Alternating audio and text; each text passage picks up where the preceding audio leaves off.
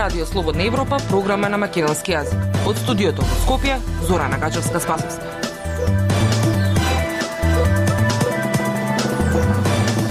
Почитувани, гостин во неделното интервју на Радио Слободна Европа е директорот на Дирекцијата за технолошки и индустријски развојни зони Јован Деспотовски, кој неодамна беше и кандидат за лидерската позиција во владеачката СДСМ.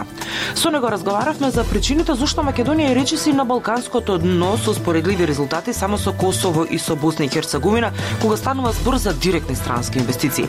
Србија и Албанија веќе почнаа да привлекуваат по неколку милиарди евра. Зборувавме и за минималната плата, како и за помошта што ја бараат домашните компании.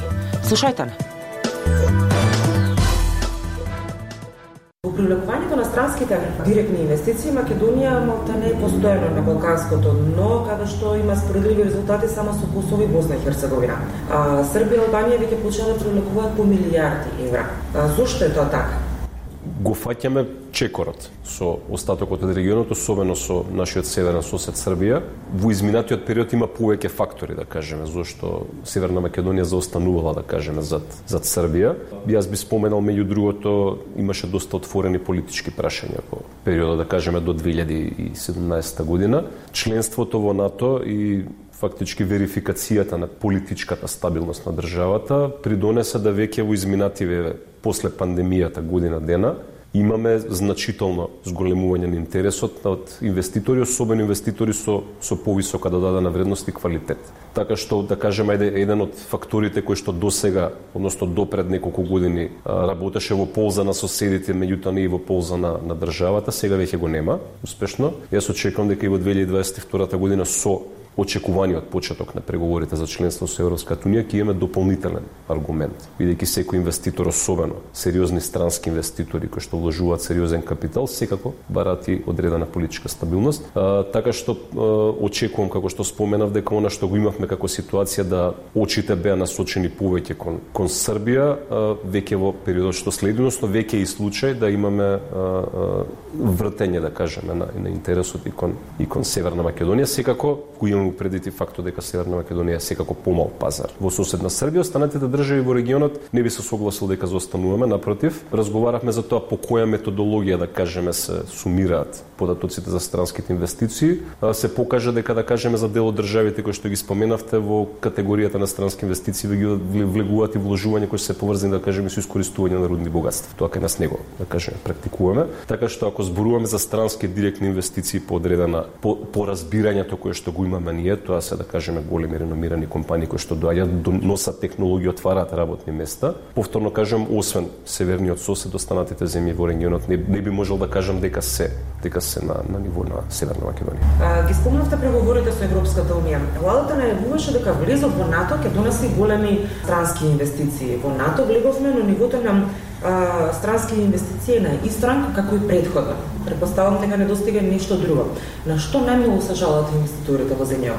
Членството во НАТО дојде во еден, да кажеме, сложен период глобален, тоа беше пандемијата секако, така што она што го споменав и предходно, очекувам, односно веќе имаме. Ние минатата година, на пример, 2021 завршивме со нивоот над близу 200 милиони евра постигнати нови договори со странски инвеститори, а притоа имаме уште дополнителни 300 милиони евра проекти, односно инвестиции за кои што сме веќе во одмината фаза на разговори. Тоа значи дека инвеститорите веќе доставиле свој деловен план, писмо за намери, тоа значи дека наше очекување некаде до средината на годината за поголем дел од нив веќе да имаме комплетирана процедура и постигнат договор. Ако го споредиме тоа со периодот 2010-2020, направивме една голема анализа, покажува дека само за 12 до 18 месеци сме стигнале скоро до половина од нивото на инвестиции колку што биле вкупно реализирани во изминатата декада. Тоа значи дека членството во НАТО има свое сериозно влијание. Дополнително на тоа на што го споменав, новиот пристап на привлек на поттикнување на инвеститори, кој што се базира на анализа на она што инвеститорите го нудат и врз база на проценката на тоа што го нудат инвеститорите, се обидуваме да им излеземе во пресрети на нивните очекувања.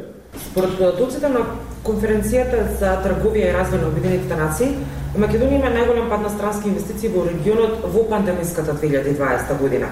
Инвестициите во 2020 се намалеле за скоро 40% во однос на предходната 2019 година, додека просекот во регионот е само 14% пад.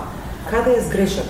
Не би можел не би можел да коментирам каде е сгрешено. Пандемиската година беше вонредна за сите. Ке споменам само дека нивото на инвестиции на пример од 2018-19 беше рекордно високо. Че во 2018 имавме некаде скоро над 600-650 милиони ако не се лажам. Така што може би и заради растот кој што имаше пред, значи предходните две години, може би заради тоа имаме и, и одредено намалување во 2020 година. Ние во однос на регионот имаме поголем пат. Зависи како ги гледаме бројките. Ја, значи не сакам да ги релативизирам од аспект на тоа дека сме на најдобри, не сме. Исто така мораме да бидеме реални и да, и да погледнеме како и соседите ги гледаат, односно како ги ги бројат да кажем инвестициите. Така што повторно кажем, освен Србија, со која што реално имаме, да кажеме, поле на кое што треба да се надпреваруваме, не сметам дека останатите држави се се примерот кој што треба да учиме или држави со кои што треба се да се надпреваруваме. Наши економски проблеми.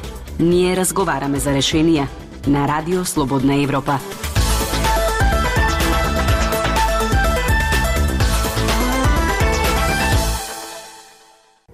Вашата партија беше во опозиција, критикуваше дека странските инвестиции многу ја чинат државата. Колку ја чинат сега државата странските инвестиции Анализата која што ја направивме за изминатата декада, период 2010-2020 година, за ефектите на странските инвестиции во технолошки индустријските развојни зони, да се фокусираме на тој сегмент само, покажа дека не сме биле многу далеку од вестината. Сме имале еден систем во кој што не критички се пристапувало кон широк круг на компании, не секогаш се водела сметка за тоа дали инвеститорот и компанијата имаат доволно квалитет и во принцип имаме ситуации каде што се поттикнувале и се давале финансиски средства за инвестиции кои што имаат реално многу мало да дадена вредност. Заради тоа имавме ситуација која што веќе очекувам дека оваа година е промената меѓутоа доминатата година беше таква да платите во технолошки индустријските развојни зони во просек се пониски од платите во националната економија, иако иако компаниите внатре во зоните уживаат многу повеќе бенефици него компаниите кои што оперираат над И тоа го констатиравме пред година дена и рековме ќе сториме се тоа да се промени. Така што кога зборуваме за цена на чинење, можеме да зборуваме за тоа колку државата апсолутно исплаќа, меѓутоа мене ме интересира колку компаниите плаќаат нас. И ќе ви кажам исто така податок дека мината во 2020 година податоците за 21 уште не се готови бидејќи ги чекаме годишните сметки. Меѓутоа за 2020 година компаниите кои што оперираат во рамки на зоните нето уплатиле во државниот буџет по основ на придонеси и, и останати давачки некаде околу 40 милиони евра, што е драстично различна ситуација во однос на, на, на бројките кои што ги имавме во 2016 година, кога уплати платите нето беа неколку милиони. А за паралела во истата таа година, колку пари од буџетот излезе? Реков нето ефект. Нето ефектот подразбира дека сме ги земале во предвид исплатите. Еве ќе ви кажам податок, минатата година исплатени се некаде околу 15 милиони евра. Уплатите ќе ги видиме сега, повторно кажам годишните сметки ги чекаме да ги анализираме, меѓутоа минатата година исплатени се 15 милиони евра, во 2020 година нето ефектот бил 40 на сметка на буџетот. Тоа значи дека имаме поприлично голем простор не само да поттикнуваме нови странски инвестиции, туку и да креираме програми за домашните компании. Какви се вашите очекувања за оваа година во однос на странските инвестиции? Ако во периодот 2010-2020 година сме имали една милиарда, вложувања зоните зборуваме само, технолошки индустријските развојни зони, значи ние поставивме како цел дека во периодот 21-24 ќе го двоиме. И добро ни Заради тоа што споменав, минатата година се некаде околу 200 милиона подпишани договори, нешто постигнати договори, нешто помалце. Пренесовме веќе во оваа година околу 300, нешто повеќе се веќе 300 бидејќи имаме тековни разговори со други компании. Тоа значи дека оваа година јас очекувам дека со овие кои што ги пренесуваме од минатата година, дополнително разговараме за прв пат со две поголеми компании во сегментот на енергетиката. Очекувам дека оваа година во зоните можеме да стигнеме до бројката од пола милиарда евра постигнати договори за за нови инвестиции. Ще се фокусирам само на зоните, она што е наша, да кажеме, надлежност. Исто така очекувам дека првиот момент кога ќе успееме како држава да покажеме капацитет, практично покажеме капацитет, дека може да привлечеме сериозен голем инвеститор кој што ќе вложи во еден проект над 100 милиони евра, дека ќе следат и други. Фокусот во минатот на инвеститори кои што ангажираат голем број на работна сила, меѓутоа имаат многу мала додадена вредност, значи вложуваат малку во технологија, може би во одреден момент пред 10 години бил важен за државата затоа што на пазарот на трудот имало доста голем број на невработени, меѓутоа реално сега го менуваме. Тоа значи дека не трчаме по компании кои што вработуваат 2000, 3000, 5000, заради тоа што имаме реална ситуација на пазарот на работна сила каде што немаме толку. Ја? Одиме по инвеститори, повторно кажам, кои што имаат поголема има додадена да вредност и кои што вложуваат многу во технологии. Чи јас очекувам дека многу брзо ќе бидеме можност да, да објавиме најголемата странска инвестиција до сега во зоните, која што тежи над 100 милиони евра. Така што со тоа веќе, она што го споменав и предходно, реално Македонија ќе стане конкурентна со лидерот во регионот на Западен Балкан по странска инвестиција, тоа е Србија. Поради недостигот на чипови, како и порасна цените на транспортот, но и на репроматеријали, голем број од западните земји размислуваат да го селат производството од Кина во, во Запад. Има ли Македонија Македонија потенцијал да привлече некои од овие инвеститори кои што сакаат да се преселат од Кина? Македонија има потенцијал, прашање дали има ресурси, зборам пред се сега од човечки аспект, не зборам за финансиски ресурси само, а, бидејќи и кога зборуваме за привлекување на нови инвеститори, повторно треба да го имаме предвид и фактот дека она што го имаме во моментот како ситуација на пазарот на трудот, не ни дава можност да се амбицираме и да бараме инвеститори кои што ќе отварат капацитети со, да кажеме, 10, 15, 20 илјади нови работни места, од едноставна причина затоа што ги немаме тие луѓе на располагање во моментот на пазарот во, во државата. Меѓутоа, да, една да кажеме еден од една од целите на новата кампања што е што е споменав за поттикнување на инвестиција, кај дел од тие компании кои што размислуваат за приближување, односно за nearshoring на на производствените капацитети кон Европа, да ставиме Македонија на мапата на размислување и да им возможиме да еден, еден контакт за разговори да видиме што е тоа што може да го искористиме, повторно под предпоставка е дека и државата ќе се го види својот интерес во сето тоа. Имате ли план како да се подобри соработката меѓу македонските домашни компании и странските инвеститори во земјава имајќи ги в предвид податоците на Сојузот на стопански комори, каде што велат дека само 4% имаат сериозна соработка, 21% се во делум на некаков вид на соработка, останатите воопшто не соработуваат со, со странските инвеститори во земјава. Она што го зборуваме како ниво на извоз, че во зоните се генерира негде половина од македонскиот извоз. Тоа е добра бројка. Меѓутоа, второто важно прашање или првото важно прашање она што, е она што го спомнувате ви, а тоа е колку домашната економија има бенефит од тоа. Бидејќи реков од странските инвестиции бенефит има буџетот преку придонесите што се плаќаат данок на добивка и, и персоналец, имаат работниците овие 14.000 повеќе се надевам во наредниот период кои што добиваат и ќе добиваат поголеми плати И третиот сегмент кој што во моментот го нема, точно, а тоа е домашната економија. Како домашната економија дојде до поголем дел од тој колачот, се зборува веќе на назад години. Она што ние сега го правиме е следно. Значи направивме еден исчек минатата година со изменен на закон за финансиска поддршка во кој што мерката со кој што ги поттикнуваме странските компании повеќе да соработуваат со домашните,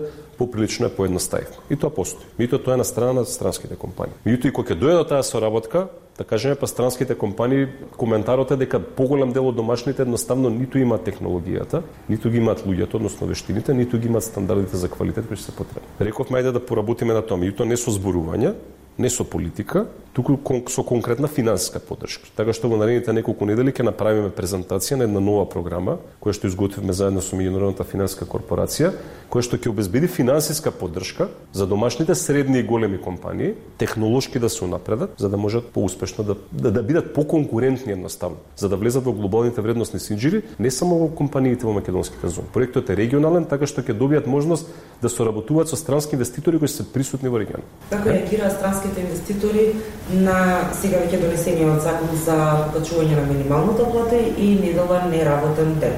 А ќе почнеме второто прашање. Имавме неколку компании кои што реално се соочија со предизвик кога се донесе законското решение за неделен неработен ден, меѓутоа во соработка со трудовиот инспекторат и со Министерството за труд и социјална политика, значи им помогнавме на неколку од компаниите и им возможивме бидејќи ги има сите, да кажем, исполнети законски услови, да сепак продолжат со, со процесот на производство. Во делот на минималната плата, нашата политика е јасна. Че јас, уште кога бев именуван оваа позиција пред негде 14 месеци, кажав дека еден од приоритетите е тоа, да не кажем врвен приоритет. Луѓето што се ангажирани во компаниите во зоните мора да биват поголеми плати. И тоа јасно го кажувам во изминатите година ден. Преземавме неколку конкретни чекори во тој дел, да кажеме, воведовме мерка за субвенционирање на развој на вештини, односно поттикнување на раст на продуктивноста на платите. Мерката за креирање на нови работни места веќе не ја доделуваме на било која компанија, туку само на инвеститори кои што отвараат добро платени работни места. Придвижувањето во сегментот на платите веќе постои. Јас очекувам дека 2021 година ќе биде прва година во која што просечната плата во компаниите на зоните, во компаниите во зоните ќе биде повисок од националниот просек. Тоа беше се што ви подготвивме за оваа емисија. Со вас од студиото во Скопје беа Зора Нагажевска Спасовска и Дејан Балаовски. До слушање.